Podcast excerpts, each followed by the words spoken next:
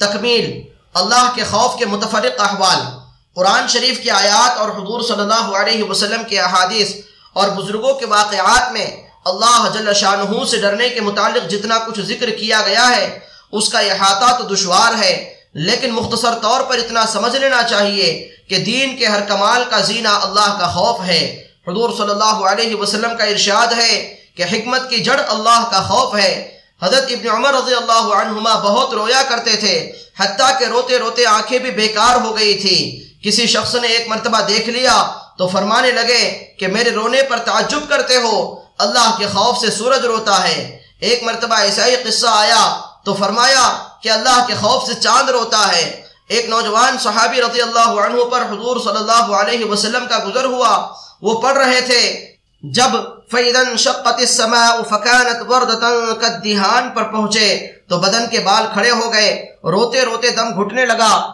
اور کہہ رہے تھے ہاں جس دن آسمان پھٹ جاویں گے یعنی قیامت کے دن میرا کیا حال ہوگا؟ ہائے میری بربادی۔ حضور نے ارشاد فرمایا کہ تمہارے اس رونے کی وجہ سے فرشتے بھی رونے لگے۔ ایک انصاری نے تحجد پڑھا اور پھر بیٹھ کر بہت روئے۔ کہتے تھے، اللہ ہی سے فریاد کرتا ہوں جہنم کی آگ کی۔ حضور صلی اللہ علیہ وسلم نے ارشاد فرمایا کہ تم نے آج فرشتوں کو رلا دیا۔ عبداللہ بن رواحہ ایک صحابی ہیں، رو رہے تھے۔ بیوی بھی بیوی بھی ان کی اس حالت کو دیکھ کر رونے لگے۔ پوچھا کہ تم کیوں روتی ہو؟ کہنے لگی کہ جس وجہ سے تم روتے ہو۔ عبداللہ بن رواحہ نے کہا کہ میں اس وجہ سے رو رہا ہوں کہ جہنم پر تو گزرنا ہے ہی۔ نہ معلوم نجات ہو سکے گی، یا وہیں رہ جاؤں گا۔ زرارہ بن اوفا ایک مسجد میں نماز پڑھ رہے تھے۔ فیدہ نقر فی الناقور، پر جب پہنچے تو فوراً گر گئے اور انتقال ہو گیا۔ لوگ اٹھا کر گھر تک لائے۔ حضرت خلید ایک مرتبہ نماز پڑھ رہے تھے۔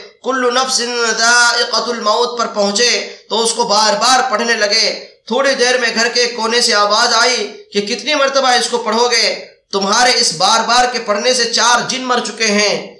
ایک اور صاحب کا قصہ لکھا ہے کہ پڑھتے پڑھتے جب وردو اللہ مولاہم الحق پر پہنچے تو ایک چیخ ماری اور تڑپ تڑپ کر مر گئے اور بھی اس قسم کے واقعات کثرت سے گزرے ہیں۔ حضرت فضیل رحمہ اللہ مشہور بزرگ کہتے ہیں کہ اللہ کا خوف ہر خیر کی طرف رہبری کرتا ہے۔ حضرت شبلی کے نام سے سبھی واقف ہیں۔ وہ کہتے ہیں کہ جب بھی میں اللہ سے ڈرا ہوں، اس کی وجہ سے مجھ پر حکمت اور عبرت کا ایسا دروازہ کھلا ہے۔ جو اس سے پہلے نہیں کھلا۔ حدیث میں آیا ہے، اللہ جل شانہ جو اس سے پہلے نہیں کھلا۔ حدیث میں آیا ہے، اللہ جل شانہ فرماتے ہیں کہ میں اپنے بندے پر دو خوف جمع نہیں کرتا اور دو بے فکریاں نہیں دیتا۔ اگر دنیا میں مجھ سے بے فکر رہے تو قیامت میں ڈراتا ہوں، اور دنیا میں ڈرتا رہے تو آخرت میں بے فکری عطا کرتا ہوں۔ حضور صلی اللہ علیہ وسلم کا ارشاد ہے کہ جو اللہ سے ڈرتا ہے، اس سے ہر چیز ڈرتی ہے۔ اور جو غیر اللہ سے ڈرتا ہے، اس کو ہر چیز ڈراتی ہے۔ یحییٰ بن معاد کہتے ہیں کہ آدمی بیچارہ اگر جہنم سے اتنا ڈرنے لگے، جتنا تنگ دستی سے ڈرتا ہے، تو سیدھا جنت میں جائے۔ ابو سلیمان دارانی رحمت اللہ علیہ کہتے ہیں کہ جس دل سے اللہ کا خوف جاتا رہتا ہے، وہ برباد ہو جاتا ہے۔ حضور صلی اللہ علیہ وسلم کا ارشاد ہے کہ جس آنکھ سے اللہ کے خوف کی وجہ سے ذرا سا آنسو خواہ مکھی کے سر کے برابر ہی کیوں نہ ہو، نکل کر چہرے پر گرتا ہے۔ اللہ تعالیٰ اس چہرے کو آگ پر حرام فرما دیتا ہے۔ حضور صلی اللہ علیہ وسلم کا ایک اور ارشاد ہے کہ جب مسلمان کا دل اللہ کے خوف سے کانپتا ہے تو اس کی گناہ ایسے جھڑتے ہیں جیسے درختوں سے پتے جھڑتے ہیں۔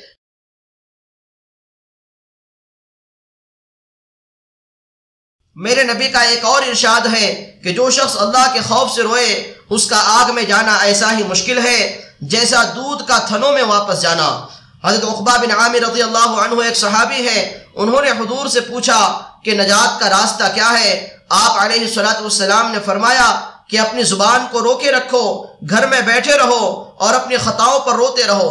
حضرت عائشہ رضی اللہ عنہ نے ایک مرتبہ دریافت کیا کہ آپ کی امت میں کوئی ایسا بھی ہے جو بے حساب کتاب جنت میں داخل ہو، حضور صلی اللہ علیہ وسلم نے فرمایا ہاں جو اپنے گناہوں کو یاد کر کے روتا رہے، میرے آقا کا ایک اور ارشاد ہے کہ اللہ کے نزدیک دو قطروں سے زیادہ کوئی قطرہ پسند نہیں۔ ایک آنسو کا قطرہ جو اللہ کے خوف سے نکلا ہو، دوسرا خون کا قطرہ جو اللہ کے راستے میں گرا ہو۔ ایک جگہ ارشاد ہے کہ قیامت کے دن سات آدمی ایسے ہوں گے جن کو اللہ جل شانہ اپنا سایہ عطا فرماویں گے۔ ایک وہ شخص جو تنہائی میں اللہ کو یاد کرے اور اس کی وجہ سے اس کی آنکھ سے آنسو بہنے لگے۔ حضرت ابو بکر صدیق رضی اللہ عنہ کا ارشاد ہے، جو رو سکتا ہو روئے اور جس کو رونا نہ آئے، وہ رونے کی صورت ہی بنا لے۔ محمد بن منقدر جب روتے تھے، تو آنسوؤں کو اپنے منہ اور داڑھی سے پہنچتے تھے اور کہتے تھے کہ مجھے یہ روایت پہنچی ہے کہ جہنم کی آگ اس جگہ کو نہیں چھوتی جہاں آنسو پہنچے ہو۔ ثابت بنانی رحمت اللہ علیہ کی آنکھیں دکھنے لگی۔ طبیب نے کہا کہ ایک بات کا وعدہ کر لو، آنکھ اچھی ہو جاوے گی، کہ رویا نہ کرو۔ کہنے لگے، آنکھ میں کوئی خوبی ہی نہیں، اگر وہ روئے نہیں۔ یزید بن میسرہ کہتے ہیں کہ رونا سات وجہ سے ہوتا ہے، خوشی سے، جنون سے، درد سے، گھبراہٹ سے، دکھلاوے سے، نشے سے اور اللہ کے خوف سے۔ یہی ہے وہ رونا کہ اس کا ایک آنسو بھی آگ کے سمندروں کو بجھا دیتا ہے۔ کعب احبار کہتے ہیں اس ذات کی قسم جس کے قبضے میں میری جان ہے کہ اگر میں اللہ کے خوف سے روں اور آنسو میرے رخسار پر بہنے لگے، یہ مجھے اس سے زیادہ پسند ہے کہ پہاڑ کے برابر سونا صدقہ کروں۔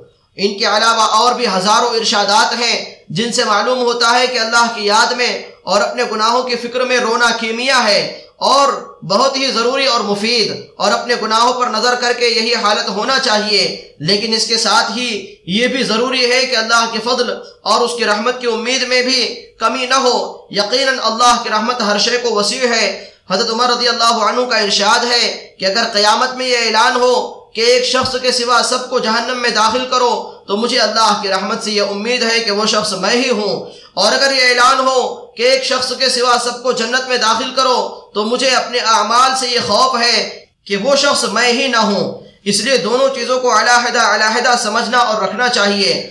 بالخصوص موت کے وقت میں امید کا معاملہ زیادہ ہونا چاہیے۔ حضور صلی اللہ علیہ وسلم کا ارشاد ہے کہ تم میں سے کوئی شخص نہ مرے، مگر اللہ تعالیٰ کے ساتھ حسن دن رکھتا ہوا۔ امام احمد بن حمل رحمۃ اللہ علیہ کا جب انتقال ہونے لگا تو انہوں نے اپنے بیٹے کو بلایا۔ اور فرمایا کہ ایسی احادیث مجھے سناؤ جن سے اللہ تعالیٰ کے ساتھ امید بڑھتی ہو۔